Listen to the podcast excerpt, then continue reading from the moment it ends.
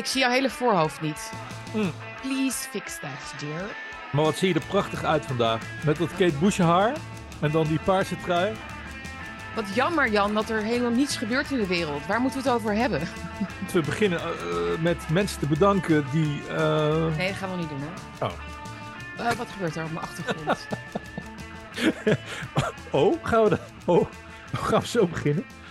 Iemand, iemand moet hier gespreksleider zijn. Nee, dat gaan we niet doen. Nee, Maar ik wil wel iemand bedanken. Vind je het goed? Mag ik iemand bedanken? ja. Nou, we hebben dat prachtige muziek introotje. Ja, eh, ja die, van, die, precies. Ja. van die keiharde rock'n'roll. En ik heb dus vandaag een t-shirt aan Mhm. van Batmobile. En de Ja. zanger daarvan is mijn zwager. En die is ook de zanger van, de Oh. zor van de Zorgman. Mhm. En eh, die hebben dat prachtige nummer eh, Ja. ge- gecomponeerd en uitgevoerd. En wij mogen dat nummer gebruiken, dus daar zijn we eeuwig dankbaar voor. Ja, dat is een, echt een lekker catchy, eh, lekker rocknummer. Ja. Man, man, man. Ik was echt, eh, echt, ik ben echt helemaal gelouist gewoon gisteren. Ja, Waar helemaal heen ik en ook. weer gemapt gewoon door die Lewis. En Ja. door eh, John Cleese natuurlijk, die, eh, die het voor heeft gelezen. ja, geweldig. En wat een verschil dat maakt. Of een, Hmm. eh, echt, echt zo'n professional dat, dat, dat voorleest. Of ja, een hij heeft een, hij heeft amateur. hij heeft van een prijs LibriVox. gekregen. Ja, hij heeft een prijs gekregen, John Cleese, ervoor. Ik vind Ja. het sowieso heel goed dat hij werk van C.S. Lewis leest. Dat, dat geeft al aan een beetje wat voor man het is natuurlijk. John Ja, Cleese. John, Cleese is de laatste jaren toch ook best wel vocaal geweest over Ja, ja, ja, censuur ja. en zo. Oh ja. Oh. Dus ehm, ja, dat zijn de De krentjes in de pap. pareltjes, de pareltjes. Oké, lieve mensen, we gaan beginnen met een, met een nieuwe uitzending. Bakkie met Benning. Onze Jan, daar ben je. Ehm, en eh, ik, Sietske, ehm Bennik en Bergsma. Nummer 11 Nummer 11 alweer ziet op deze Ongelooflijk. 12e april. Het gekken Still, still going strong. still going strong. Strong, ja. Dus eh, welkom, luisteraar, kijker. Eh, Like, deel, abonneer je op het kanaal alsjeblieft. En eh, doe een donatie hieronder. De linkjes staan hieronder. Heel erg veel dank aan iedereen die dat heeft gedaan de laatste dagen. Dat sterkt ons heel erg om door te gaan. En dat is ook, ja, want ik kwam er dus vandaag achter dat eh, een van mijn uitzendingen, dat is de eerste keer dat dit is gebeurd, eh, is, eh, van YouTube is gehaald. Oh, En ik, en ik schrok even. Ja, het was vanochtend kreeg ik een mail van YouTube. Ik schrok even, want ik dacht dat het een van onze uitzendingen was. Maar het was een oudere uitzending. Ik geloof eh, al een jaar geleden of zo. En, dat, eh, en ik, ik kan dus niet meer terugzien welke het was. Misschien wel, maar dat ga ik zo wel even doen. Maar het ging over menticide. En ik dacht, oh ja, waar, waar, waar had ik het toen over? Menticide is eh, geestelijke moord. En waarschijnlijk heb ik in die uitzending het gehad over propaganda en hersenspoeling en mind control. En dat is blijkbaar, dat is blijkbaar misinformatie, Jan. Dat is Ja, nou. medische misinformatie. Laat alles tegenwoordig misinformatie eh, zijn. Dus- Dus ik bedoel, ja, er is weinig meer over te praten als je het niet over Ja. de grote, het Ja, grote nee, vat precies. waanzin kan hebben waar we Dus- op dit moment in ronddob ronddobberen. Dat is, Dus ik, dat- dus ik wil even echt even een, eh, een beroep doen, echt op de kijkers. En, en weet je, is echt steun, steun ons hè, in dit kanaal. Want, want als we hier vanaf zouden moeten, wat ik niet denk hoor, maar in ieder geval niet, niet binnenkort. Dan moeten we ergens anders iets gaan opzetten. We moeten door kunnen natuurlijk. Dus met donaties en met het zichtbaarder maken van ons geluid help je ons enorm daarbij. Want ze kunnen natuurlijk niet, niet alles gaan censureren. Dus wat hebben we allemaal? In petto. We gaan het hebben over Lientje natuurlijk. We gaan het hebben over, even kijken, One Love, One Health. Ik zag net nog iets over het LAX. Wil ik ook nog even wat over zeggen. Maar eh, eerst even dat, dat Dylan Mulvaney verhaal. Hè? Want ik heb gisteren een column daarover geschreven. Over de... ehm, ja, dus over bedrijven die zo woke gaan nu, zo woke zijn geworden, dat ze letterlijk hun producten niet meer kunnen verkopen, slijten aan de man. ga, je, daar- ga je daar iets over zeggen? Want ik heb daar ook nog wat over te zeggen, maar misschien wil jij eerst. Ja, nou, eh, het laat ik meteen een belangrijk punt maken daarover. Want ik zie iedereen eh, zeggen van ja, weet je, go, go woke, go broke. Die bedrijven gaan vanzelf failliet. Hè? Dat zijn dan bedrijven als Nike, eh, Hershey. We hebben Kate Spade gehad, dat is een modemerk. Eh, jij hebt Ola's nog genoemd, zie ik. Daar heb ik niet, zo, niet, zo, niet per se iets van gezien, volgens mij. Maar Ook met die, ook met die eh, Dylan Mulvaney. Oh, daar. Die Dylan Mulvaney, dat is dus een, een, een man, een vent. Sorry, maar dat, dat zie je ook aan alles af. Die sinds twee jaar een vrouw is. En een van die kleine... Hij ja, wat zijn het? Nee, ja, vrouw. is, volgens hem. Dat is zijn fantasie. Mhm. Ehm, en hij loopt in van die, ja, ja, van die meisjesachtige kleren rond, zeg maar. Haarbandjes en van die, ja, wat zijn dat voor jurkjes? Ehm poppyjurkjes. Het is, die het- Japanse schoolmeisjesjurkjes ja, zoiets, ja. En ehm, nou, die, zij verkoopt dus nu Bud Light. Of is in ieder geval eh, door de campagne, hoe zeg je dat, reclamemakers van, eh, van Bud, is zij dus eh, nu het gezicht van Bud Light. Nou, dat is natuurlijk helemaal viraal gegaan op, het, eh, op social media. Mensen, echt tot vermoeiend stoer. Mensen worden er ook heel moe van. Weet je, dat is natuurlijk ook zo. Van stop making stupid people famous. Weet je nog, dat was vroeger altijd een dingetje. Nou, dat is nog, nog steeds niet helemaal doorgedrongen. We maken nog steeds stupid people famous. Maar dit is natuurlijk niet een op zichzelf staand probleem of ding. Want dit gebeurt overal in de reclamewereld op dit moment. En als je zegt go woke, go broke, is dat wel waar. Want de aandelen die kelderen, hè, van, ook van Nike eh, en dus ook van Bud Light. Ehm, en ja, dat, dat is de harde realiteit natuurlijk. Maar het probleem is dat ehm, die bedrijven, die grote multinationals, zitten aan een eh, de zogenaamde ESG-score verplichtingen. Of, is een, er is een ESG-scorelijst waar grote bedrijven met name zich aan moeten houden. En het gezicht van ESG is eigenlijk, is eigenlijk is BlackRock. BlackRock kent iedereen natuurlijk inmiddels, die investeringsmaatschappij. En dat is een eh, scorelijst en dat gaat dan over eh, sustainability, eh, social, climate, weet je, dus gender, eigenlijk al die agendapunten van de VN. Hè. Maar ik vraag me af of dat leidt tot broke, want het is natuurlijk ook een vorm van corporate fascism, hè, van het creëren van monopolies. Eh, multinationals die dus dit, zich, dit soort dingen kunnen veroorloven. Hè? Want er zijn natuurlijk heel veel bedrijven die dat zich niet kunnen veroorloven, dat ze hun producten niet meer verkopen. Snap je? Dus die zullen uit de markt worden geprijsd. En als jij op een gegeven moment alleen nog maar bij Nike kleren kunt kopen. en je kunt alleen nog maar bier kopen bij Budweiser.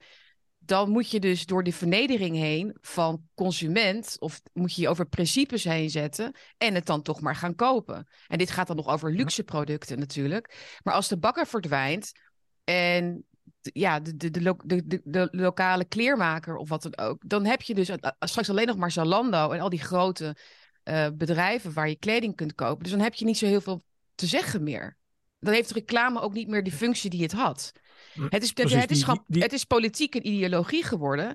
En niet zozeer wil je alsjeblieft ons product kopen. En BlackRock heeft daar dus ook gewoon eh, een hele dwingende rol in eh, al, al een tijd. En dat geldt ook voor Nederlandse bedrijven. Als ik die Dylan Mulvaney zie, dan zie ik eh, geen oprecht iemand. Dan zie ik een sater. Ehm, je hebt ook transseksuelen die gewoon daadwerkelijk proberen eh, een vrouw te Ja. zijn of een man te Mhm. zijn, whatever. En Mhm. bij deze figuur zie ik een oorlogswapen. Eh, ik zie niet een. eh, ik zie niet een oprecht iemand. Ik zie iemand die de pist. He takes the piss, weet je wel. Het is Mhm. gewoon. Hij, hij, hij trekt de, de nagels uit van Kid Rock en dat soort gasten. Die dan gaan schieten op blikjes met, met, Ja. met grote, Ja. grote geweren en weet ik het allemaal niet.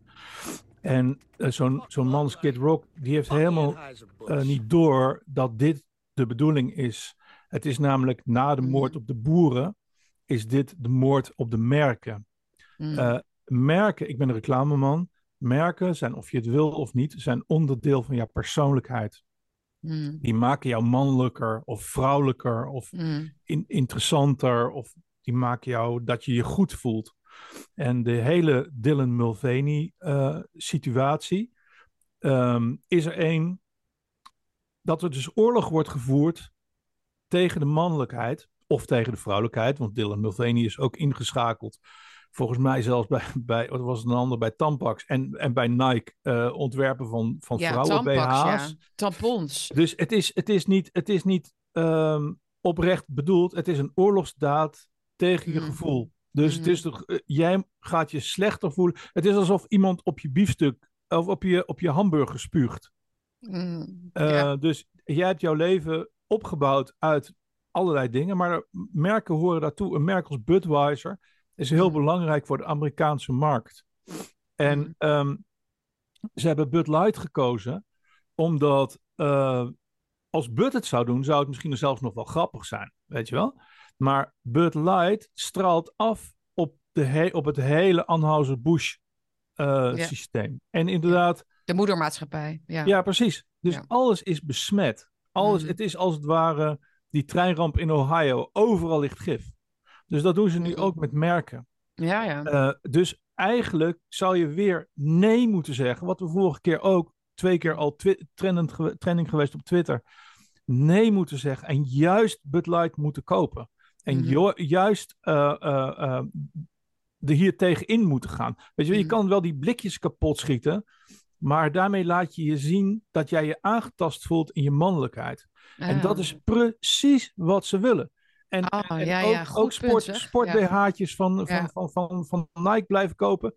Net doen alsof er niks aan de hand is. Want dit is precies wat ze willen. Dit is de moord op de karakterbouwende merken. Dat is veel, dat gaat veel dieper wat jij nu zegt dan wat ik net noemde. Dat het ook een economische kwestie is waarin, ze, waarin die grote bedrijven dit, het zich kunnen permitteren eigenlijk om verlies te draaien. Dat was eigenlijk mijn punt. Ja. Uh, maar, maar, dit, dit, dit, is nog veel, dit, maar dit gaat veel verder. Dit is inderdaad gewoon een aanval op cultuur en op mannelijkheid en vrouwelijkheid en structuur en orde en uh, onze principes en onze waarden. En, en, en het, het is, het is weer een vorm van demoraliseren en dehumaniseren. Wat ze lachend doen en wat ze, waar ze plezier uit halen. Inderdaad, door de reacties van dat soort mannen die op likjes schieten. Hm. En ja, dus iedereen. Heel woedend worden en zo. Ze lachen, ze lachen zich helemaal kapot. Maar, maar je, je, onderschat, je onderschat je eigen argument. Hm. Want dat isolement, dat merkenisolement, dat je geen andere kant op kan. Hm. Is onderdeel van het duivelse plan. Dus ze zeggen van, hahaha, ha, ha, wat wil je mhm. dan gaan doen? Wil je zelf je bier gaan brouwen? Overigens de enige uitweg.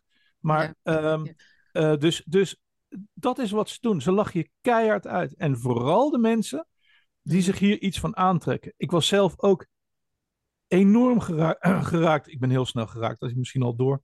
Mhm. Maar enorm geraakt door een hele vieze, dikke autocoureur.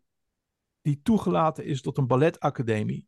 En die oh staat in zo'n zaal waar normaal van die ranke, prachtige meisjes of jongens uh, die vanaf een vierde zijn getraind om de meest mooie dingen te doen, staat zo'n debiel, zo'n nijlpaard, staat te hupsen. Ja. En iedereen doet net, we zullen het, clipje uh, uh, laten zien. Het is zo erg. Door, um... Ehm, het, is, e-, het is echt een negatie, een ontkenning eigenlijk van, van grace. Het is alles. Het is, het is je pakt eigenlijk de, wat ballet in essentie is.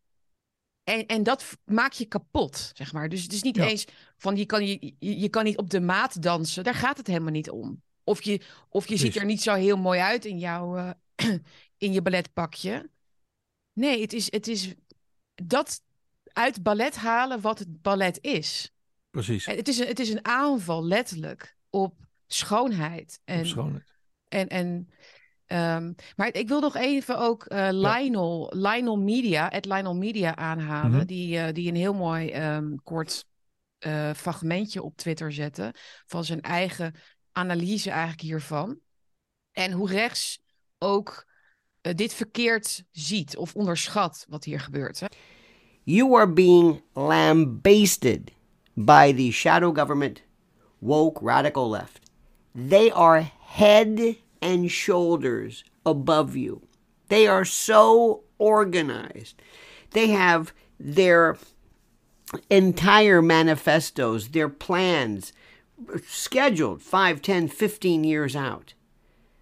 This administration has and will have very soon young influencers who will have an office in the White House, who are a, who is a part of the media core who will use absolutely everything at their fingertips, which is run, of course, by Silicon Valley, by, you know, big tech fascism and all of that sort of.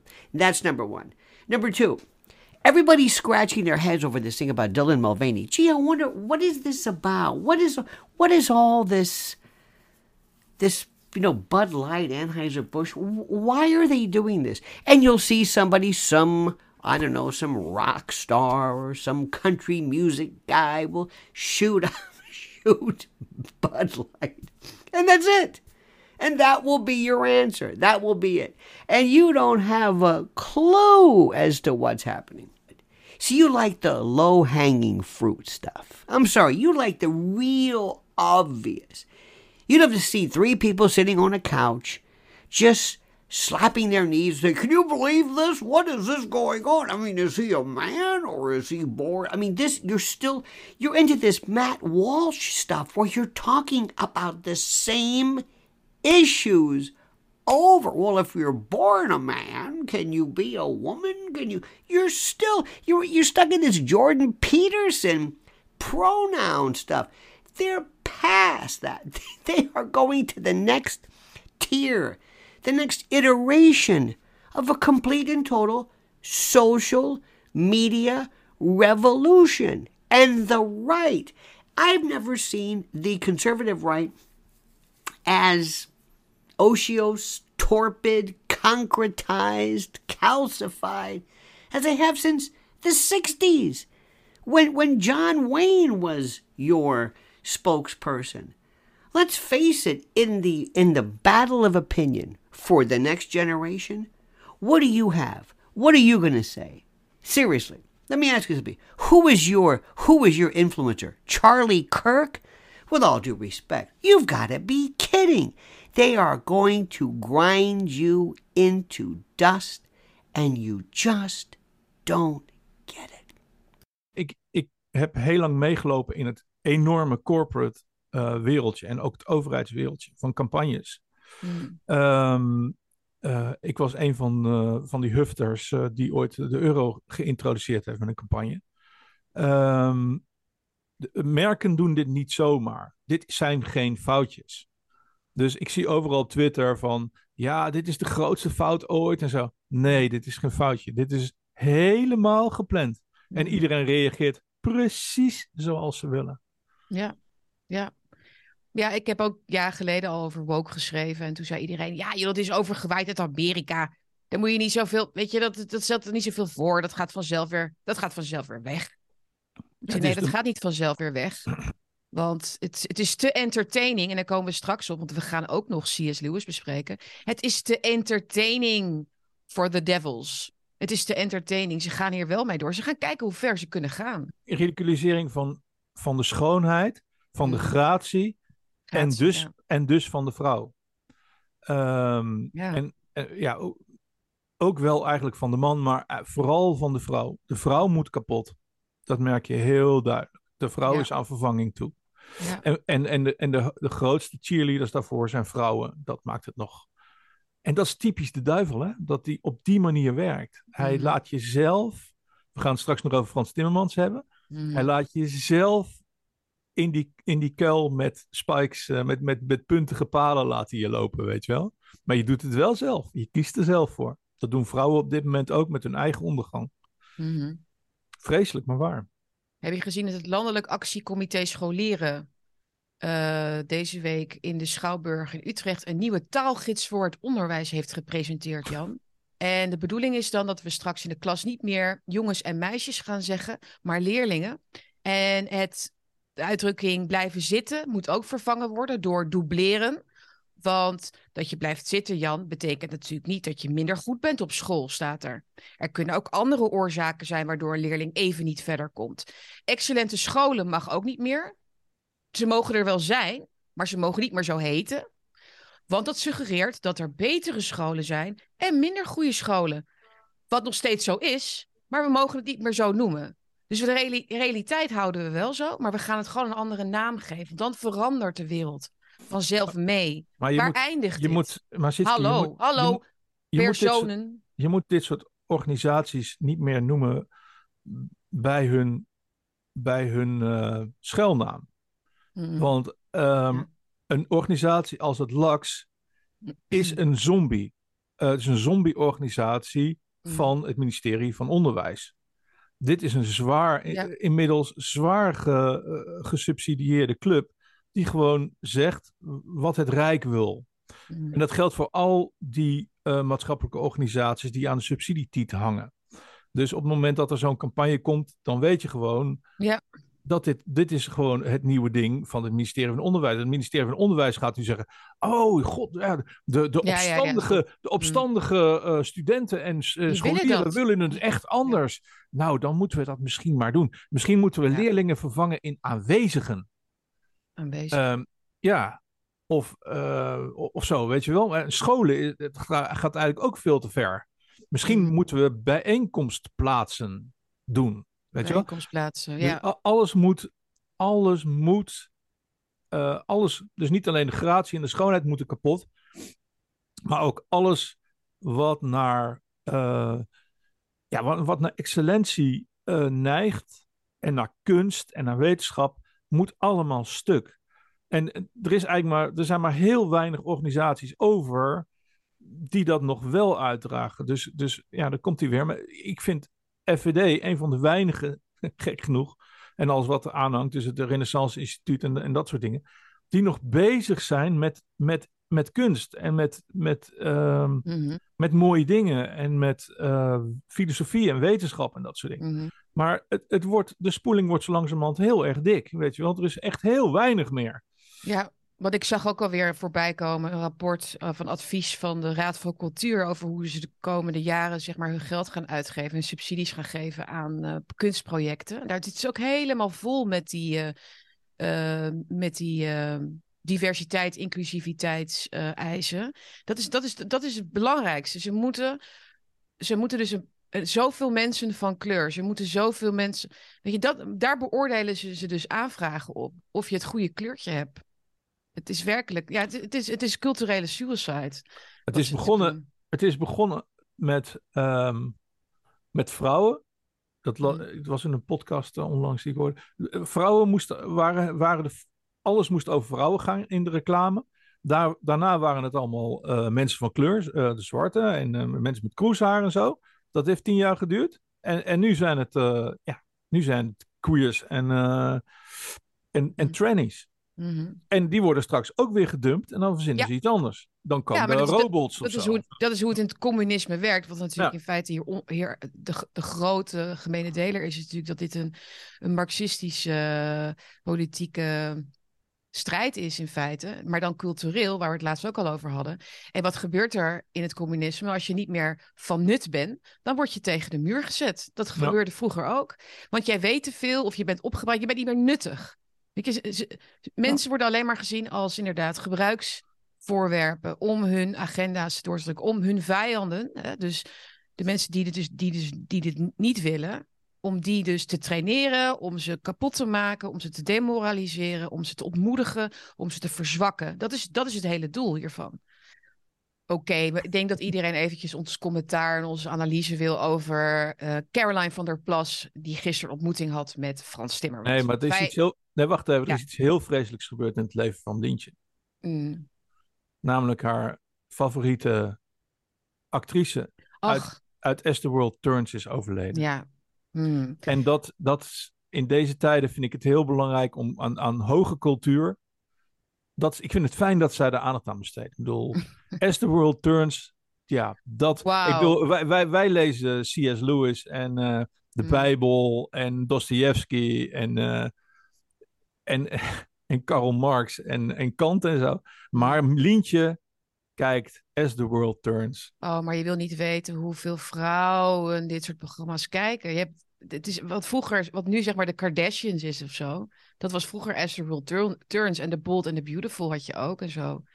En dat, vrouwen zien dat echt als de ultieme ontspanning, Jan. Het is gewoon ontspanning voor Lientje. Heerlijk, die intriges. En ze schreef ook in haar tweet hè, dat ze het zo mooi vond dat haar favoriete karakter het zo opnam voor haar kind of zoiets. Weet je, dan denk ik, opnam voor haar kind. Het is gewoon een heel slecht geschreven script. Opnemen voor je. Weet je niet, dat is, dat is gewoon een, een doosje, doos, doosje Merci chocolaatjes, toch? Zo'n serie. Daar ga je dan toch niet nog wat over zeggen op Twitter. Ze twittert het ook nog op een dag dat iedereen, al, alle ogen op haar gericht zijn vanwege dat gesprek. De grote, de grote les die ze Frans Timmermans zou gaan, gaan geven natuurlijk. Het standje wat Timmermans zou gaan geven nu ze zoveel macht heeft en de kiezer heeft gekozen. Nee, dat As the World Turns. Dus As the World Turns stond ze daar met haar groene jasje en haar gimpen. Het waren wel twee, twee gimpen. Twee gezellige dikkertjes zo bij elkaar. Ja, en er stond een heel gek kereltje in de hoek. Ja, een heel gek kereltje met een heel gek boekje. Er zit, een heel raar kereltje met zijn handen in zijn zakken. Met een Mm. boekje. Het was een soort, ja, het, het was een heel surrealistisch Maar eh, was, ja. eh, tafereeltje. Wil jij, wil jij er iets Heel over veel, heel veel, ja, nou, uiteraard. Heel veel pers erbij. Dus het was duidelijk, hè? de Telegraaf kwam er mee, maar alle kranten pakten het op.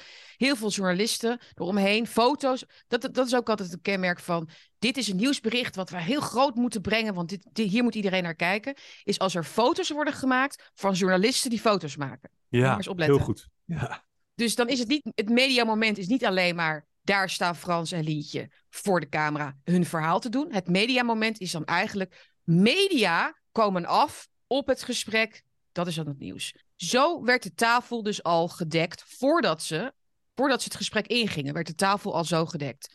ja er lag weet- een hele grote dikke precies- gans op tafel. Een hele grote, ja, dikke gans. En, en, en de wolf, en de wolf, die had al met zijn buik vol met geitjes al. Frans Timmermans die eet al jaren eh, heel veel geitjes. En ik dacht van, eh, snij die geitjes nou eens uit die buik. Ik zei tegen ja, we leven in een simulatie of zo. Weet je, de, de wolf, hij is, dus, hij is gewoon de wolf en zij is die gans. Maar goed. ja.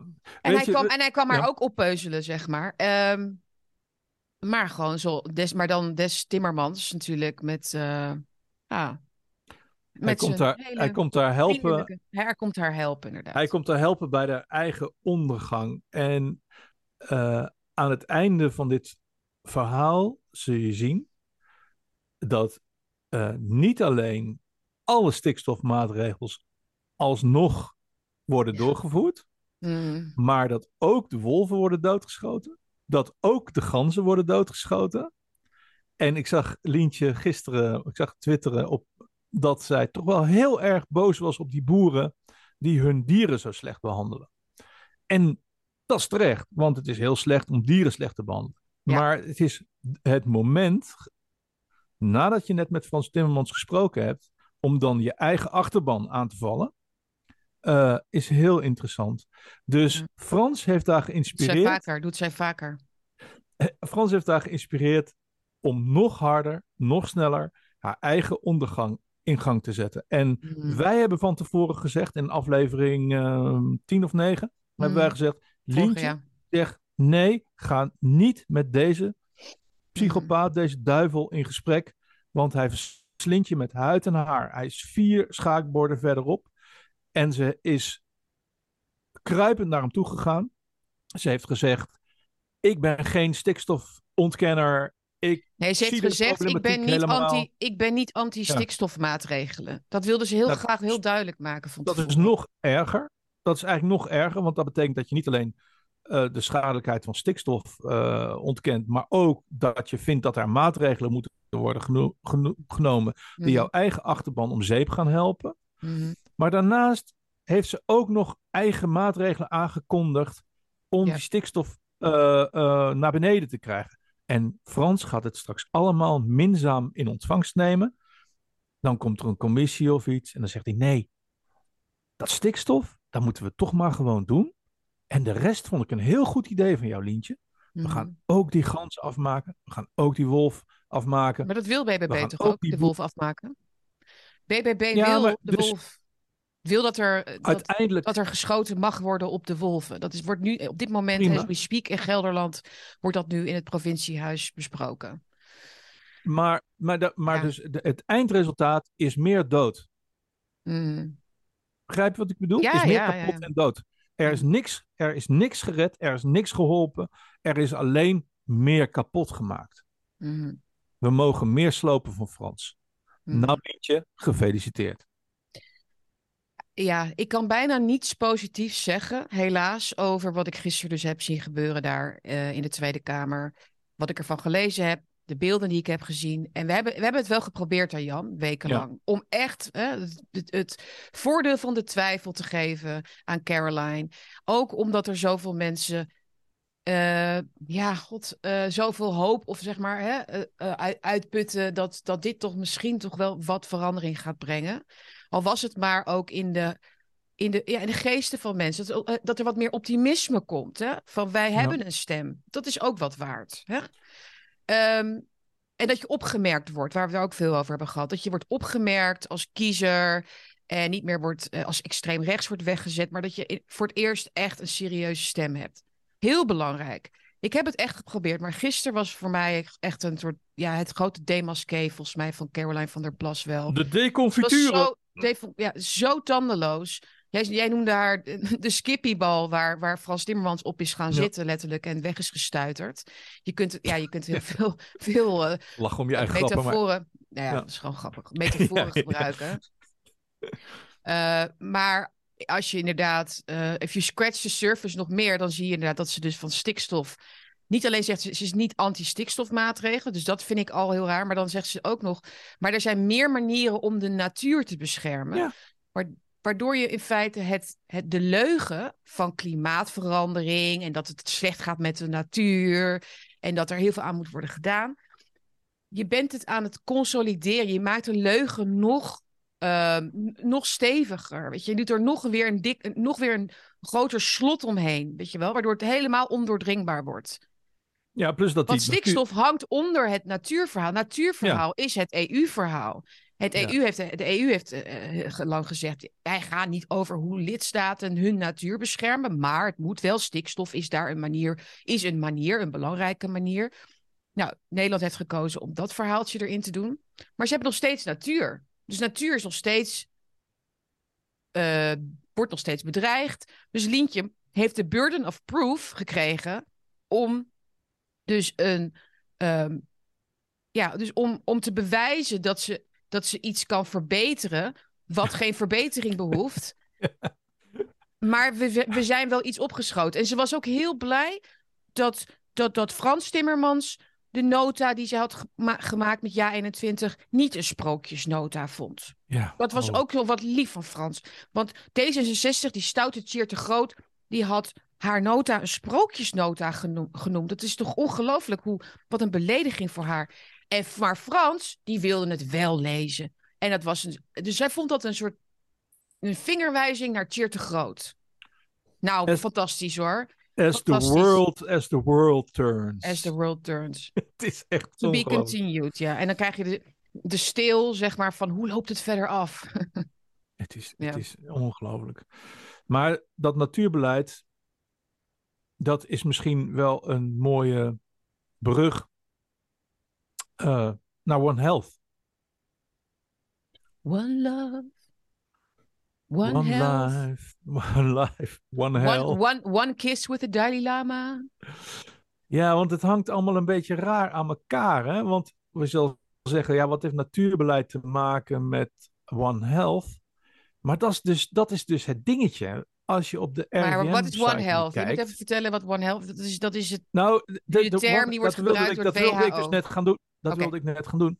Eh, dus je hebt het natuurbeleid. Wat heeft dat in godsnaam met gezondheid te maken? Nou, er is een nieuw concept wat dus eh, door de WHO en dus door het RIVM en door de VN en door alle andere enorme gremia ineens wordt uitgedragen. En dat is One Health. En One Health, dat is zowel de gezondheid van de dieren, wordt gelijkgesteld aan de gezondheid van de mensen, wordt gelijkgesteld aan de gezondheid van ehm, planten, stenen, Stenen. water, zand, Hmm, de Mhm. natuur. hmm. En dat is heel bijzonder, want dat ziet er zo lief uit, hè? Gezondheid voor iedereen. Maar op het moment dat je dat in drietjes verdeelt en allemaal gelijke partjes, dan betekent het dus dat de gezondheid van een steen ineens net zo belangrijk is geworden als de gezondheid van jouw kind. En dat de gezondheid van een salamander net zo belangrijk is geworden als de gezondheid van je oma. En dus dat one, dat one, dat, dat eh, intrigeert me enorm. Ja, dus dat holistische. Wat de WHO zegt ook op hun website en heel veel documenten. Of het nou gaat inderdaad over eh, de seksuele voorlichting op scholen, maar ook dus hierover. Dat holistische uitgangspunt. Hè? Dus alles hangt met Ja. elkaar samen. Alles moet op dezelfde manier worden gewogen. Ehm, alles moet worden beschermd. Alles hangt met. Ja, alles is een, heeft invloed op elkaar. Dus als je de steen, eh, de, de steen op de weg wegtrapt, dan heeft dat gevolgen, Jan. Ja, precies. Dat, dan heeft dat gevolgen voor de natuur. Want die steen die lag daar gewoon te liggen. En daar mag je niet zomaar aankomen. Want dat verandert de hele ruimte. Zeg ja, ik nu even heel. Snap je? Maar dat is dat- ziek- dat- hoe ziek die mensen denken. maar dat one is dus een groter thema. En dat Mm. one, dat, dat is op allerlei manieren groter. Je ziet het dus in One Health. One Health, liefde van een volwassen man voor een kind, is net zo belangrijk als de liefde voor een man en een vrouw. Of de liefde voor een man en een ezeltje. Of de liefde voor een kind en een kind. Het is one love. We zijn allemaal één. En alle liefde is belangrijk en evenwaardig. En als je daarover na gaat denken, je hebt one health, one love, ook een VN-ding, weet je wel, ook gepusht, weet je wel, dat, dat hele weet je nog die, die prachtige Turkse voetballer die zei van, eh, krijg de tyfus maar met je aanvoerdersbandje. Ik Mm. ga niet met dat, eh, met dat ding rondlopen. Mm. Maar dat one... wat er dan, hè, wat er one- gebeurt als je dat zegt? Wat er dan gebeurt als je dat zegt? Sorry? Ja, en wat er gebeurt als je dat dus zegt, ik draag dat niet. Ja, Dan nou ben dan je ben dus je... tegen one love. Dan ben je een slecht mens. ja, dan krijgen alle banshees gaan dan tekeer. Dan, dan, dan ben je dus dan ben je het bokje, want dan doe je iets wat buiten de agenda valt. Maar je hebt dus one health, one love, ein Volk, ein Reich, ein Führer. Je hebt ehm, eh, het verenigen zoals in de Sovjet-Unie eh, was. Mhm. Eh, je hebt one. Wie is er altijd bij, bij WEF-bijeenkomsten? Altijd. Behalve de Dalai Bono. Lama. Bono. Bono. Bono. Bono heeft een nummer geschreven. Dat is een opdracht aan jullie, want ik kom er niet helemaal uit. Eh, Bono heeft het mooiste nummer van Bono. Kijk, jullie weten dat, dat ehm, de duivel eh, was verantwoordelijk voor de muziek. En One is een prachtig nummer. Van, ehm, ehm, net zoals Imagine U2, van John ja. Lennon, wat ook prachtig was. En ook een hele rare betekenis eigenlijk heeft. Eh, heeft ook eh, dat One van U2 heeft een extra betekenis. En ik heb die tekst nu honderd keer gelezen. En er zitten hele rare dingen in. Maar als jullie ons op Mm. Twitter of in de, in de comments kunnen laten weten van... Goh, wat zien jullie in die tekst? Ik zie hele rare dingen. Maar het kan ook zijn dat ik me enorm vergis. Maar het is one. En als ik denk aan one, denk ik ook aan de singulariteit. Mhm. Dan denk ik ook aan de singulariteit. En de singulariteit is een situatie waarin de reden niet meer geldt. En dan denk ik, hé, hey, in wat voor tijd leven we eigenlijk? We leven in een singulariteit. We leven in een upside-down world. Mhm. Dat is mijn denkwereld op dit moment.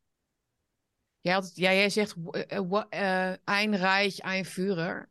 Jij koppelt het aan fascisme en ook eventjes aan de Sovjet-Unie, volgens mij. Dus één, allemaal één worden. Dus de arbeider, die wordt dan vertegenwoordigd door één vuist. Hè? Dus alle mensen zijn één vuist samen, als het ware. Hè? Dat is dan de one. Het collectief is één. Hè? Dus samen. Eh, wat, wat, is, wat is eigenlijk heel lang geleden al voorspeld dat er zou gaan gebeuren met fascisme en communisme? Is dat het via het liberalisme weer zou toeslaan. Mhm. Eh, dat heeft C.S. Lewis trouwens ook in de Screwtape Letters ergens genoemd. Liberalism will be the next weapon. Hè? The devil's next weapon. En dat is de one health, the one love. En iedereen is gelijk. En we zijn allemaal vrije individuen. Maar hoe maak je van die individuen weer die vuist, zeg maar, tegen het goede, tegen het bestaan eigenlijk? Hè? Wat natuurlijk elk, ehm, elke ideologische pathologie wil. Hè? Dus de, de, strijd tegen de mensheid in feite, tegen het mens zijn. Voor een hoger doel, zogenaamd een hoger ideaal. One health and one love, ja, het, zit overal in. Het is een, het klinkt mooi, het is, het is niet voor niets die regenbogen. Uh, maar als je een straat vult met honderden regenboogvlaggen, zoals, zoals je steeds vaker ziet, bijvoorbeeld in Londen zag ik laatst een foto van, dan zie ik een fascistische demonstratie, een optocht, een, een vertoon. Hè? Het is dan niet militaristisch of zo, maar het heeft diezelfde. Het ademt diezelfde sfeer. Weet je, Waarin dat- iedereen individueel, in, elk individueel gelijk is aan de ander en zichzelf mag zijn, maar ondertussen totaal wordt uitgekleed van zijn mens zijn. Het is, Ja. alleen nog maar, het is alleen nog maar dat Kate Spade jurkje. Het is alleen nog maar dat, dat, die, die, die, ballet, dat, die balletschoentjes aantrekken als man. En dat is nog wat je nog mag. Maar waag het niet om een godvrezend mens te zijn die van zijn familie houdt en zijn een eigen bestaan wil opbouwen en met rust gelaten wil worden. One, ja, dat is, dat is de one. misschien Ja. is hun, hun hele doel wel het one. One is een heel klein woordje. Mm. En in one zit alles samengebald. Dus ze, ik denk dat dat wel eens hun hakenkruis kan zijn, dat one. Mhm. Als je begrijpt wat ik bedoel. Dus Ja. het, is hun, het is als het ware een veel groter symbool dan wij denken. En ik denk ook dat wat op dit moment heel erg speelt, is gewoon het samengaan van mens en machine. Dus Mhm. het, het, het, het samengaan van mens, machine en God. Dat is Mm, volgens ja. mij, dat zou wel eens de, de, de triptiek kunnen zijn waar zij naar streven. Ja. De, de mens, machine en God. Ja, de mens, God, die half machine is. Dat is wat op dit moment in mijn hoofd rondzweeft. Ja, maar dat is helemaal niet eens in jouw hoofd alleen. Dat zeggen, ze zeggen het zelf ook. Die Harari zegt ook, hè, we moeten mensen... De, de Internet of Things hè, moet heel gro- groot worden. En mensen moeten gekoppeld worden aan de computers, aan het systeem. Al hun verlangens, al hun wensen, al hun behoeftes kunnen daaruit worden gedownload, als het ware. Alles wat jij weet of wil weten of... Weet je, dat, dat, dat komt allemaal van een externe bron straks. Het wordt allemaal ingestopt, zodat we allemaal dezelfde of nou in, hun, in hun ogen de beste versie van onszelf kunnen worden. Dus helemaal uitgekleed van elke vorm van vrije wil of, een, of het, de mogelijkheid om fouten te maken, om mens gewoon menselijk te zijn. Eh, gewoon de straat uit te lopen zonder dat je wordt tegengehouden, weet je wel, door, door allerlei detectieportjes of weet ik veel wat. Dat is, dat is, de, dat is de one. Ja, de one. zeg Ik denk dat we op iets zijn gestuurd, eh, Sietske. Ik denk dat En we ik- iets hebben. En, en het is nog, ja, we houden het even vast, want het is ook veel groter dan alleen maar het, het liberalisme of zoals het, of de agenda in, het, die we nu over om ons heen zien. Het is ook hoe de VS zich gedraagt op het wereldtoneel. De totale ontkenning, miskenning van het bestaan van andere staten, landen, volken, tradities. Eh, De, alle politiek is erop gericht om die, die one world ook te houden of te hebben. Die, en Ze, ze zijn volledig in ontkenning over de multipolar world.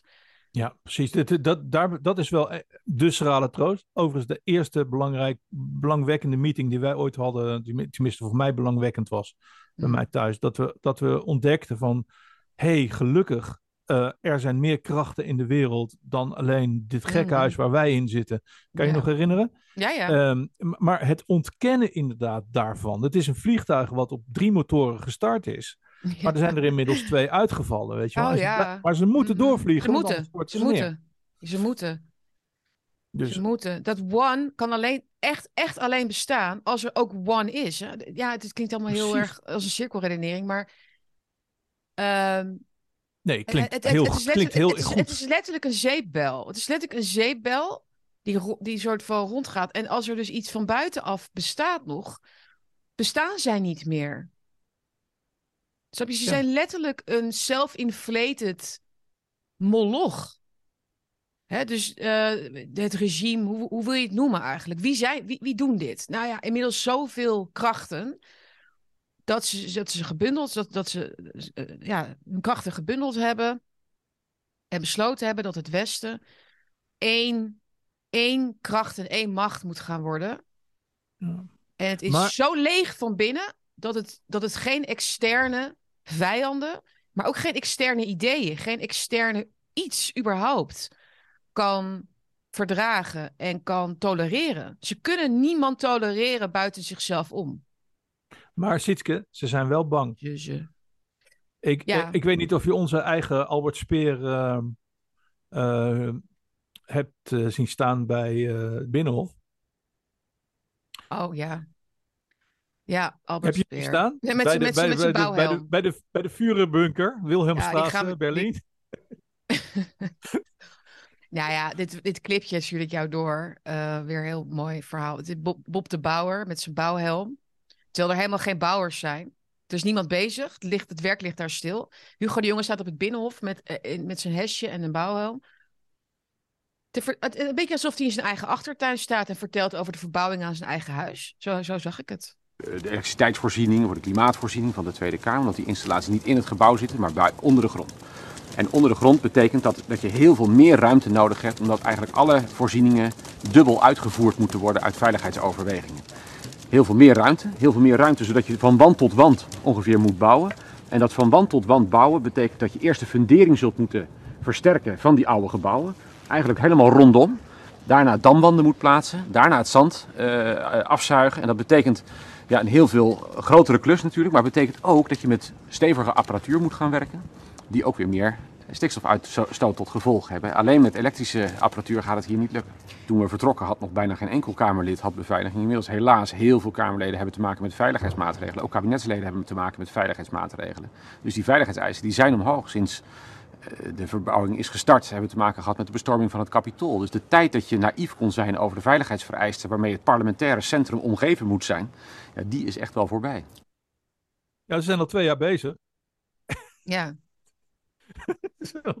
maar, maar bang inderdaad, bang. Uh, weet je dat, dat er rond uh, de Rijksdag uh, nu wordt gewerkt, of ik weet niet of, of ze al begonnen zijn, maar het is twee jaar geleden al aangekondigd. Daar gaan ze nu een, een burcht graven van 2,5 meter breed en nou, heel diep. Want nou, de mensen zijn af en toe een beetje boos, Jan. Dus ze willen een ophaalbrug hebben. Ja, dus de, de, de, mensen die streven naar one, naar de eenheid en het grotere geheel, die beginnen wel een beetje, beetje, ja, een beetje te trillen en een beetje, ja, toch een beetje, die vinden het toch een beetje eng te vinden. Als je ziet wat een enorme uh, veiligheidsdingen er nu worden uitgegraven. Over slim om het daarover te hebben, Hugo, maar prima. Uh, uh, veiligheidsfaciliteiten, omdat de democratie onder vuur ligt en zo. Als je ziet dat ze daar dus ook weer honderden miljoenen nu voor uittrekken. Ja. En, en er komt dus ook in Den Haag komt, is er weer een, een gracht hergraven of weer een nieuw leven ingeblazen. Ook voor de veiligheid stond in een van de stukken uh, die ik gelezen heb erover. Dus ze zijn niet helemaal zeker van hun zaak, of ze zijn zeker dat het misgaat. En dat is natuurlijk op zich niet zo gek als straks mensen massaal hun geld kwijt zijn. Mm, ja. Wat dat gaat gebeuren.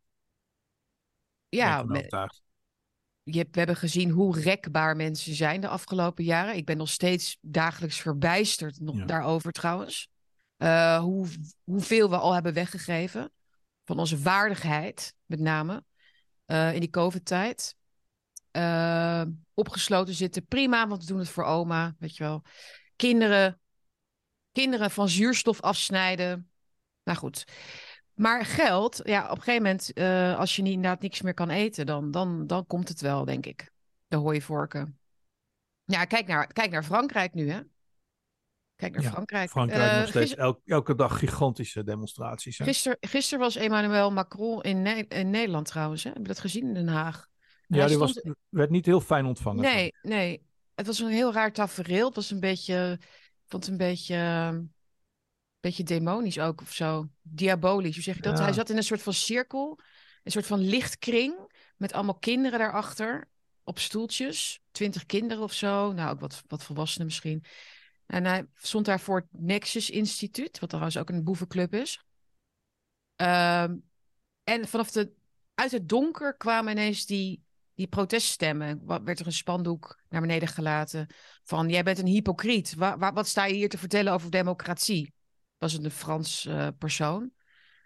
Het wordt dus op het nieuws nergens getoond hè, dat dat is gebeurd. Ja, het, maar ik vind het heel bizar, want um, um, zeker sinds die aanslag op die man uh, wat van de duivelsverse, hoe heet die? Uh, Rushdie. Salman Rushdie. Hmm. zou je toch denken dat dit soort leiders die zo onder vuur liggen, dat de beveiliging wel, kijk, weet je, dat de beveiliging wel een klein beetje opgeschroefd kan worden, weet je wel. Als mhm. mensen met hele met, met hele spandoeken naar binnen kunnen wandelen. En uh, ik ben overigens een keer met een uh, spandoek uh, het torentje binnengewandeld. Ik had ooit een keer afspraak bij Balkende. Mhm. heel lang oh. geleden. Ik zou er nu niet meer binnenkomen. Maar The eh, good old days. toen liepen ja. wij met. En, en- de, dat spandoek zat aan stijgerpalen. Toen liep ik gewoon letterlijk met een stijgerpaal het torentje binnen. Wat, stond daar, wat, wat stond daarop dan? Ik was met Arjan Erkel. En dat Arjen was. Erkel. Ja, ik was met Arjen Erkel. En dat was een la- malaria-campagne. Een campagne tegen malaria. En toen gingen we naar Hmm. Balkenende.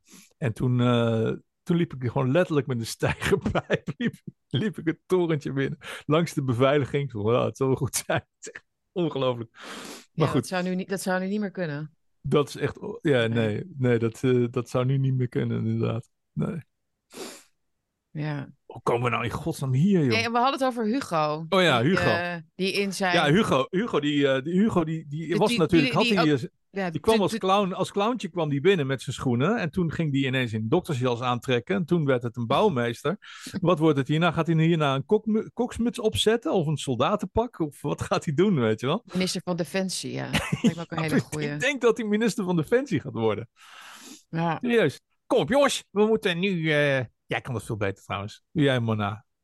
Hugo. nou ja, voor de, voor de luisteraar, ik heb mijn hele grote ogen. oh ja? Nee, dat gaan we gewoon niet doen. Dat gaan we gewoon niet doen. Nee, we gaan gewoon allemaal, we moeten allemaal ons houden aan de regels. We moeten allemaal onze regels houden. We hebben niemand een uitzondering Jongens, gemaakt. De kindertjes moeten gewoon naar uh, Oekraïne. Ik lijkt me heel onverstandig. Ja, lijkt me heel onverstandig. Ja. ja, we moeten gewoon, eh, ja, we moeten gewoon democratie beschermen. Heel belangrijk. Gezond te blijven. Alleen, de vaccin, alleen het vaccin eh, krijgt ons hier uit. Alleen het vaccin. Dat heb ik helemaal niet gezegd. Heb ik dat gezegd? Heb ik helemaal niet gezegd. Ik kan er niks van herinneren. Niks van herinneren. Als je, hem als je hem zou vragen, wil je minister van Defensie worden, Hugo? Dan zou die meteen jou zeggen, eh, die man heeft helemaal geen enkele zelfonderschatting, laat ik het zo zeggen. Maar ik denk altijd wel, wat fijn dat hij geen schoolmeester meer is. Oh, dat was hij ook nog. Dat was hij ook nog. Dat hebben we in ieder geval eh, een aantal zieltjes Dat- kunnen besparen. Dat heet een Het panacee, zal, het zal toch voor Iemand de alles- staan. Iets wat, iets wat overal goed voor is, dat is toch een panacee? Dat- Maar goed. ja, maar dat is eh, politiek. Po- politici hebben, hoeven geen verstand te hebben van waar ze het over hebben. Het is gewoon... Ze, ze, ze, ze brengen gewoon de beslissingen over. Ze zijn eigenlijk gewoon woordvoerders. Van, eh, ja, wat zijn ze? Woordvoerders. nou, hij heeft. Hij heeft het goed gedaan, want iedereen is er weer ingetuind. En ze gaan weer 300 eh, miljoen extra wegpissen in die, eh, in die binnenplaats eh, van het Binnenhof. Mm. Waar natuurlijk allemaal gangetjes lopen naar die, al die paleisjes daar in de buurt en zo. Dus Ja. het is gewoon een eigen. Azovstal zijn ze aan het bouwen daar. Mhm. Ik ben heel benieuwd. Heel apart. Nou, fijn. Ik zou zeggen, ga er lekker allemaal zitten. Dan draai lekker de sleutel om en dan eh doe doki. Want dat is ook het gevaar van in een fort gaan zitten. Dat kan ook tegen je werken. Nou ja, Ja, goed, bij. Sluit jezelf maar op. Het is heel gevaarlijk om jezelf op te sluiten, hoor. ja, bij Hitler is het niet heel goed afgelopen. Nee, daarom. Maar we hebben wel Dus, heel eh, veel ver- verwijzingen weer naar, eh, naar die Ja, jaren. maar, de- ik, maar, sorry, maar ik bouw geen bunkers, hè? Het Nee, nee, nee, oké. dat is waar. gaat over bunkers. En anders knip je het er maar uit. Hel nee. Wel nee. Ja, we moeten nog tussendoor even wat anders doen. Ja. Eh, dat gaan we dus nu doen. Want we hebben even een awkward silence gehad, hè Jan? Van drie seconden. Heel awkward. Ja, dat is heel awkward. Nee, we hebben een filmpje al langer eh, geleden gezien van eh, een vrouw die, nou ja, bevallen is van, van haar reuk weer. Toch? Ja, briljant. Het is echt zo briljant. Ja, we kunnen het aan niks meer linken, behalve is- aan de algemene krankzinnigheid. Maar we hebben een filmpje ontdekt. Alge- al- in de categorie algemene krankzinnigheid. We kennen natuurlijk allemaal de filmpjes van vrouwen op TikTok. en Waar, die net bevallen zijn van een prachtige baby. Nou, Of dit, die net een operatie in worden gereden of zo. Ja, weet je levensreddende de operatie. Maar dit doet daar niet voor onder. Dit is, dit is eigenlijk bijna net zo emotioneel. Ik werd er zelf ook heel emotioneel van. Jij ook? Ja, misschien moeten we het gewoon laten zien. En dit is, dit is een soort, hoe vaker je ernaar kijkt, hoe harder je gaat lachen. Well, just, you know, it's okay. Smell it first. See if you can smell it. Is it normally would you be able to smell it? Oh. All right, where are we going? Is it strong? Yeah. I heard her.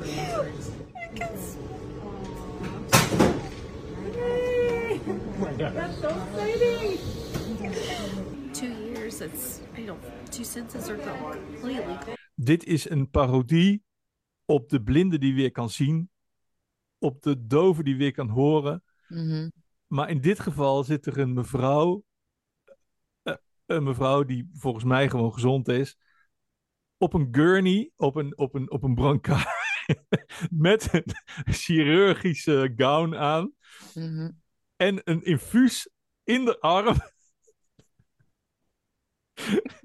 en ze is heel blij, want ze kan post-COVID eindelijk de koffie weer ruiken. Zullen wij eens eh, eventjes Culture Corner, eh, want die wordt vrij lang deze keer. Zullen we daar Daarom, gewoon eens mee beginnen? Daarom. Zit, eh, dat, dat is Eh, eigenlijk wat ik het liefst wil. Ehm, overigens hebben we dat woord gejat. Ik ga binnenkort vragen aan James Dellingpole of dat niet erg vindt. We hebben dat gejat van, eh, van London Calling. Hè? Dus, dat zo?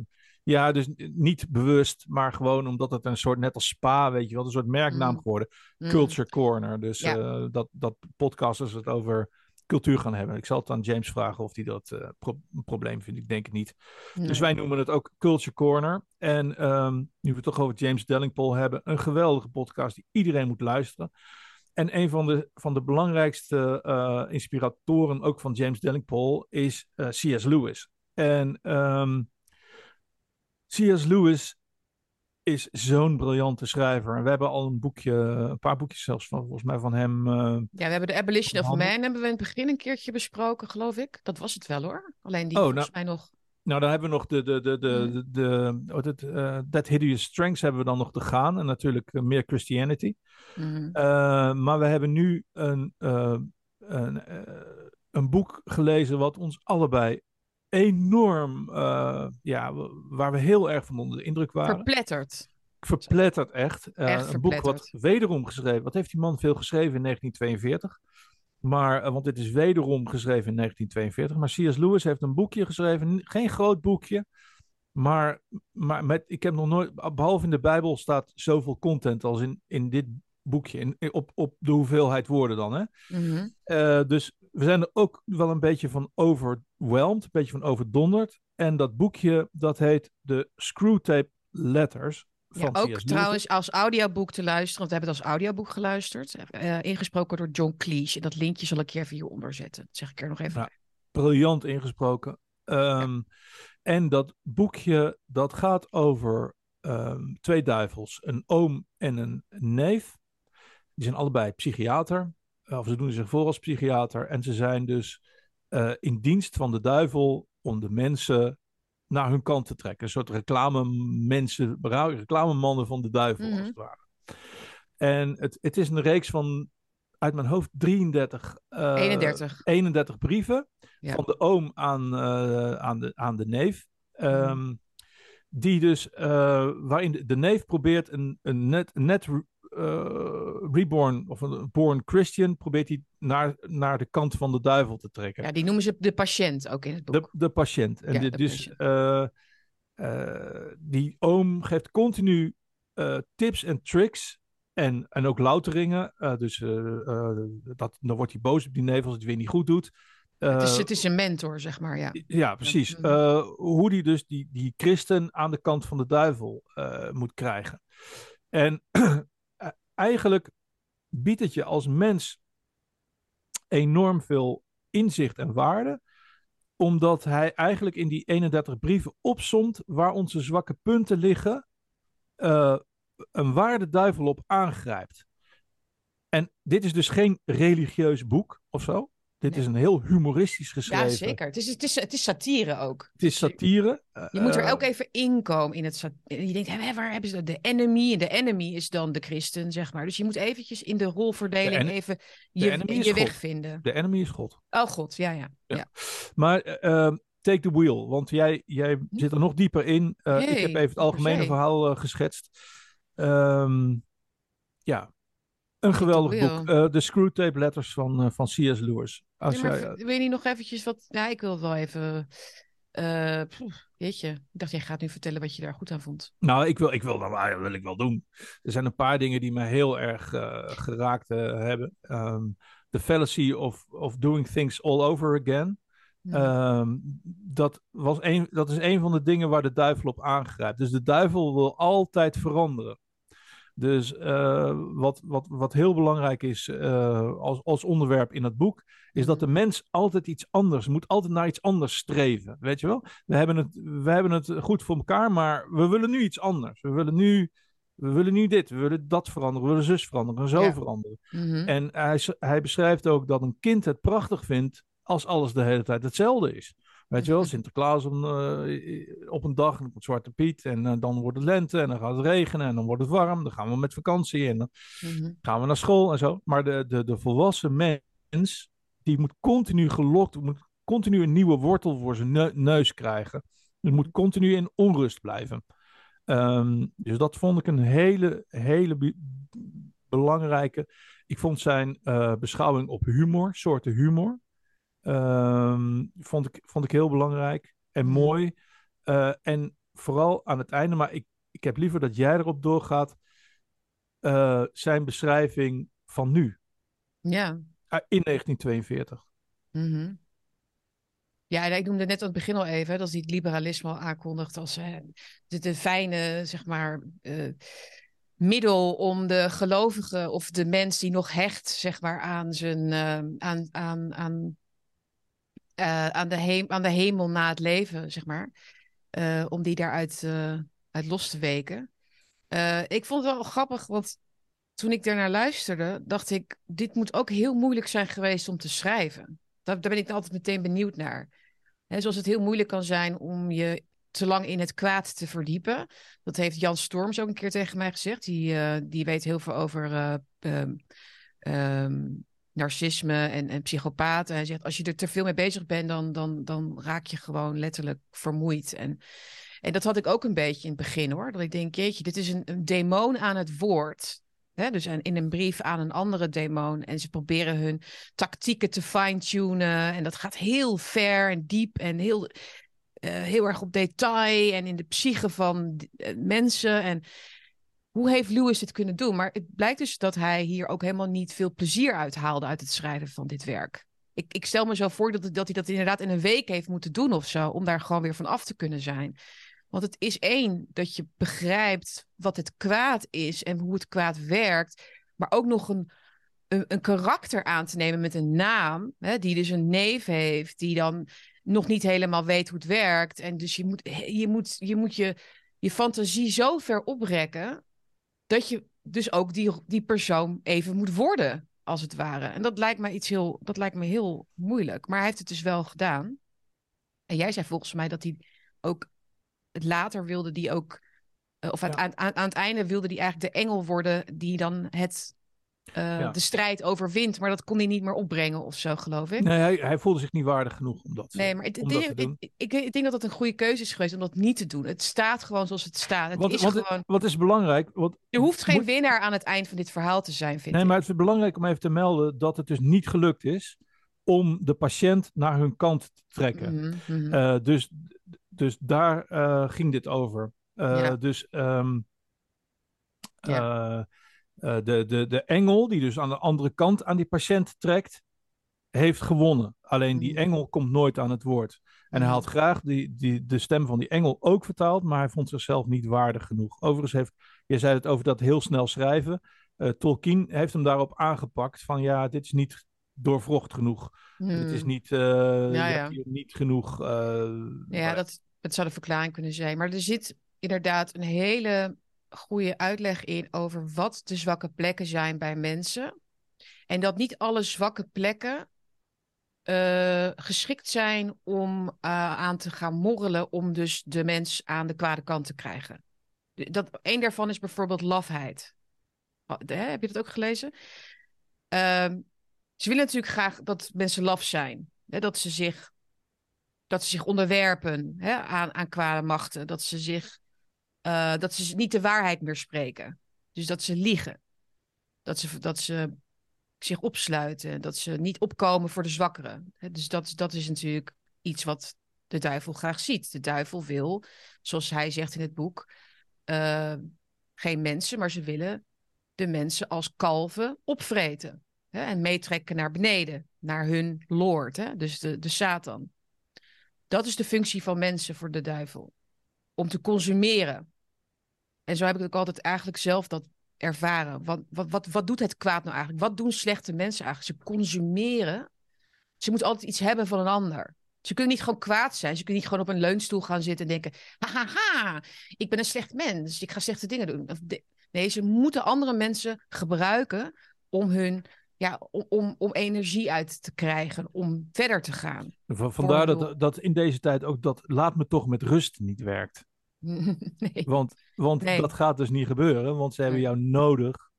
Ze hebben jou nodig om hun plan uit te voeren. Ja. Jij bent onderdeel van hun maaltijd. Mhm. Overigens eindigt het. Ja, ik weet niet, kunnen we mogen spoilers doen voor een heel oud boek? Of, of zeg je. Ja, van- ik wil nog even over dat moed en lafheid. Want Ja, ze nou, zeggen- ga je gang, sorry. sorry. Want, maar we moeten dus geen lafaards maken. Eh, want, eh, want ze zeggen geen lafaards maken, want die leren te veel over zichzelf. En bovendien, ehm, op een gegeven moment kan de moed toch weer oplaaien.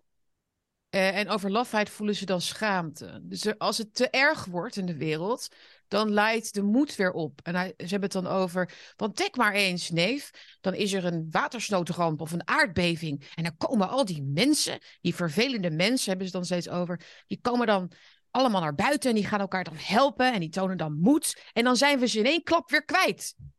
Dus we moeten die Ja. lafheid, moeten we niet te veel, daar moeten we niet te veel aan doen. Want dat, dat, dat heeft helemaal geen zin. Want ze worden uiteindelijk, uiteindelijk vinden ze de moed weer om elkaar, om elkaar te helpen. En dacht ik, haha, dat is, een hele, dat is interessant, vond ik. Ehm, maar de, hun grootste troef, dus de, de, van deze demonen, is denk ik dat ze hebben ontdekt dat de mensen heel erg veel in de toekomst leven.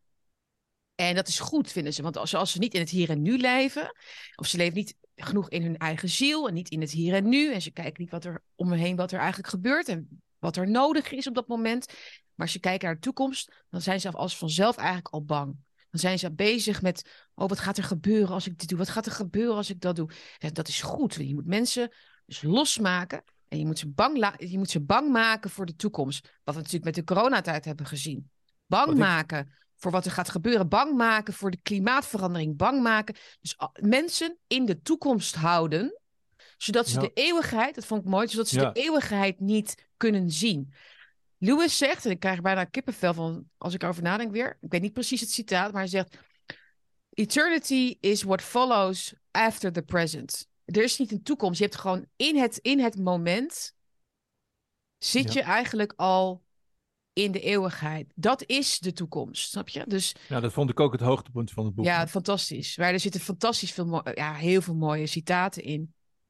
Ehm, maar ook bijvoorbeeld van, ehm, ze denken altijd dat wij dingen in hun hoofden zetten. Zij de, de mensen denken, zij zijn dan ook mensen hè, of zo, maar die mensen die nog niet aan onze kant zijn, die denken dat wij dingen in hun hoofd zetten. Maar het is de kunst van het weglaten. Dat vond ik ook een hele mooie. Ja. Wat mensen niet meer denken, wat mensen niet meer voelen, wat mensen niet meer doorhebben.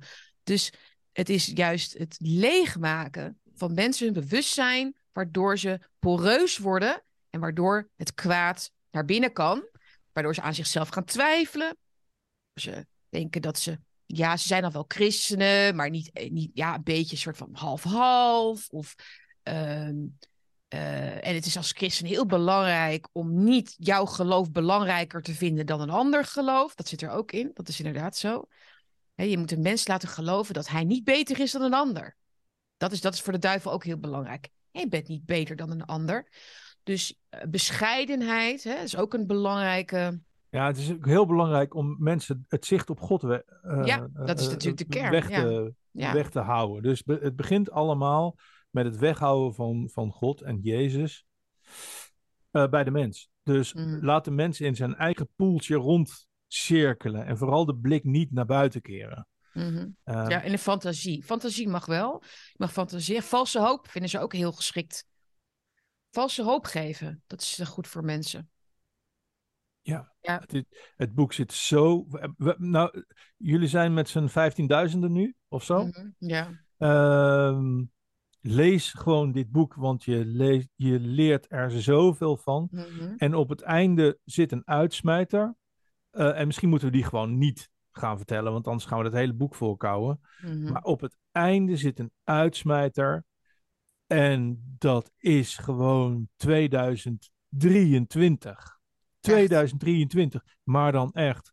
Er is, een, Mhm. er, is een, er is een diner waarbij die duivels eh, slechte mensen vreten. En daar wordt een verhaal gehouden. Dat is nu. Dat speelt nu. En dit we- boek kunnen- is we kunnen misschien wel vijf minuutjes- 1942. Ja, we kunnen misschien wel vijf minuutjes even laten horen anders. Nee, mensen moeten het zelf maar luisteren. Dat is misschien wel een goed idee. Dat, Ja. Het is briljant. En eh, we hebben heel veel, allebei denk ik, heel veel boeken gelezen. Maar ik heb nog nooit zoiets briljants. eh, eh, nou ja, Ja. trouwens niet helemaal waar. Ik heb ook wel, wel. Maar dit is wel echt heel, heel, heel goed. Dus dat zijn Mhm. de, dat is de screwtape letters van Ja. C.S. Lewis. Hij beschrijft, het beschrijft eigenlijk de war of attrition op de mens van de duivel. Want Ja. het is een war of attrition. Ja. Het is niet de grote. ehm, weet je wel, wat je, wat je je voorstelt bij dat je bevangen wordt door de duivel en dat je drugs gaat gebruiken en dat je iedereen naar bed gaat, dat je Ja. hoofd ronddraait en dat je tegen de muur oploopt en dat je allemaal slechte dingen doet. Ehm, maar de war, de war of attrition tegen de mens is in feite wat het grote kwaad doet steeds. Het is stapje voor stapje het uitputten van de ander, van de tegenstander. En ze noemen het dus ook tegenstanders. Wij zijn de tegenstanders. Eh, en iedereen is dus ook vatbaar. Dat, dat haal je misschien ook wel uit het boek. Haal ik er ook wel uit. Dat je dus dat iedereen vatbaar is voor die tactieken. En, hoe, en dat de duivel ons zo goed kent. Viel je dat ook niet op? Ja, goed, Ja. het is door C.S. Lewis geschreven. Maar je krijgt nergens het gevoel van... Ja, hij schrijft het vanuit zijn eigen... Weet je wel, de, de goedheid van zijn hart. Hè, probeert hij dat soort van te, te fantaseren hoe de duivel zou zijn. Maar het is, als je om je heen kijkt, letterlijk wat er gebeurt. Ehm, jij wilde nog iets eh, eh, zeggen over Misha Kat, volgens mij. Die, eh, Over Micha, nieuws- arme- Micha, arme- Sorry, Micha. Arme, arme Micha. Ja, ehm, ik weet dat heel veel mensen dan boos worden en zo. Het interesseert me geen reet. ik ben een ally van Micha Kat. En dat zal ik ook blijven ook. En ehm, deze jongen wordt zo keihard gepaald. Nu weer met 28 maanden cel. Mhm. Eh, ik weet niet hoe dat verder gaat aflopen. Welk hoger beroep of wanneer hij nou eindelijk een keer vrijkomt. Maar het blijft een gebed zonder einde. En ik ga jullie niet vragen om precies zo te denken over Micha als ik doe. Maar alsjeblieft, die jongen zit in zijn eentje in de cel. Dus ik wil jullie graag zijn adres geven om een kaartje te sturen. Eh penitentiaire inrichting Krimpen aan de IJssel, postbus 750 29 20 CB in Krimpen aan den IJssel. Detentienummer 807 9 curieus 666. Dus Oh. 807 9666 ten atten- ter attentie van Micha Kat. Stuur hem een kaartje, die jongen heeft het vreselijk moeilijk. Mhm. Andrew Tate is weer vrij, zag ik trouwens. Die is weer vrij. Maar En ik ben een beetje... Ik ben niet meer zo... Ik ben een beetje afgehaakt met Andrew Tate. Ik, ik, Ik niet. ken- nou ja, ik, ik, ik weet niet. Ik bedoel, ik vind het toch een beetje... Ik, ik ben voor iedereen die voor ons is. Ja, nee. Ehm, Jan, je hebt Ja. nog een mooi gedicht ter afsluiting. ja, ik, ja, ik kan het toch elke keer niet laten om, eh, om, gedichten, eh, om een gedichtje uit te zoeken voor jullie. Ehm, even kijken, want ik ken het niet uit mijn hoofd. Eh, ik ben oud en versleten, dus ik ga even zoeken. Ehm, dat is het gedicht van Jan-Jacob Slauerhoff. Mhm. En iedereen denkt altijd dat dichters soort van Merel Morris eh, zijn. Weet je wel, van die rijmelarijende wijfies eh, die van die, van die, van die, van die Xenos-bordjes eh, volkalken. Ehm, maar eh Slauerhoff was een echte man, weet je wel. Dat is een, een, een scheepsarts die de hele wereld overgevaren is. Ehm, dat was geen, eh geen, huisvrouw, geen, geen, geen macramé in de huisvrouw zoals, eh zoals zo'n Merel Morren of zo. Of, zo'n sub, subsidieslurper als eh, Jerry Airfryer, weet je wel. Dat is gewoon echt een echte kerel. En die schreef gedichten. Mhm. En als ik jullie één tip mag geven, jongens en meisjes. Schrijf gedichten. Ook al zijn het hele slechte gedichten. Begin gewoon, want het is zo heerlijk om een kraan open te zetten van je gevoel. Zeker in deze tijd is dat zo belangrijk. Laat je, laat je gevoel de vrije loop. Al laat je het aan niemand lezen, al schaam je je de tering voor. Schrijf van je af. Ik heb één eh, gedicht van hem, eh, het is eigenlijk niet helemaal mijn stijl waar hij schrijft. Ik vind, zijn, vind het een mooie kerel. Ik vind zijn stijl, kan niet, maar dat is persoonlijk. Iedereen heeft zijn eigen ding, weet je wel. Maar ehm, Ik vond één gedicht eh, vind ik prachtig. En dat is de, de begrafenis van een vervloekte dichter. Oftewel uh, Sepulture d'un poète maudit. Um, dat ga ik even voorlezen. Wanneer een zware sombere nacht een christenziel uit chariteit achter een oude vuilnismeid uw lichaam grafwaarts heeft gebracht en alle sterren rein en zoet het vaakrig oog geloken hebben, kweekt daar de adder haar gebroed, weeft de grafspin en haar, er haar webben. Gij hoort er het godganse jaar boven uw hoofd het rauwe misbaar van wolven hunkerend naar hun prooi. Het gekal van grijsaard zonder sekse, met riboden van slecht allooi. En het gekrijs van krolse heksen. Dankjewel, Jan. Is dat alleen onder Baudelaire? oh no, misinformation. Verzamelde gedichten van Slauwerhoff. Misinformatie. Dit nee, was niet Baudelaire zo. kan dit natuurlijk niet geschreven hebben. Oh, het is natuurlijk een vertaling van Baudelaire. Oh, vandaar dat ik het mooi vind. Ah, nou begrijp ik het. plek. nou, begrijp ik. Wow. Ja, Brain overload. Oké, jongens. Eh, men- mensen, jongens en meisjes. Want dat mogen wij gewoon wel zeggen. Hè? Bij eh, Bakkie met Bennik en Bergsma. In plaats van beste toehoorders. Ja. Publiek. Al dat soort taalidiotie. Eh nee, lieve Bakkie-kijkers, bedankt voor het kijken weer. En wij zijn er weer in de loop van de, ja, dit weekend ergens, denk ik. Gaan we ja. we gaan ons best daarvoor doen. Vergeet niet een donatie te doen natuurlijk hieronder. Je te abonneren op het kanaal, te liken, te delen. Het is een kwestie van een paar handelingetjes. En je kunt ook wel een petje afdoen. Dat kost dan wel iets. Maar dat is vanaf 5 euro ben je al bakkie buddy bij petje af. Dus dat Maar van ontzettend 15, leuk. vanaf 15 euro ben je een beest. Dus ja, we moeten wel een beetje beesten eh, hebben. Alsjeblieft, eh, help ons dit te maken. Want het is langzamerhand, voor mij in ieder geval, bijna een fulltime eh, bezigheid. Ja, Het is niet zo Ja. dat dit allemaal gewoon aankomt vliegen of zo. Je moet, het wel, je moet er wel tijd in steken. Dus, zeker. en dat, ik vind het het meest fantastische om te doen. Mhm. Maar ik heb Ja. dus geen tijd over voor andere dingen. Ik vind, al, ik vind namelijk eh, jouw inbreng al zo interessant. Dat ik bij wijze van spreken ook de, tegelijkertijd luister naar dit. Ja, eh, dan als dat, dat ik mee bezig ben. Dus dat, dat maakt het wel heel grappig. Want het is voor mij ook. ik- Ik leer als het ware real-time dingen, weet je wel. Dus dat vind ik heel, heel, heel erg leuk. Dat, maar dat is het hele concept van de bakkie. Is dat je, dat je niet voorgekookte scriptjes en verhaaltjes met elkaar gaat, gaat lopen afwisselen en weet wat, wat je gaat zeggen. Maar dat er Ja. ook door het hardop praten, on, krijg je al nieuwe ideeën vaak. Dat, Ja. is, dat was voor mij een hele ontdekking. Dat heb je natuurlijk ook wel als je schrijft.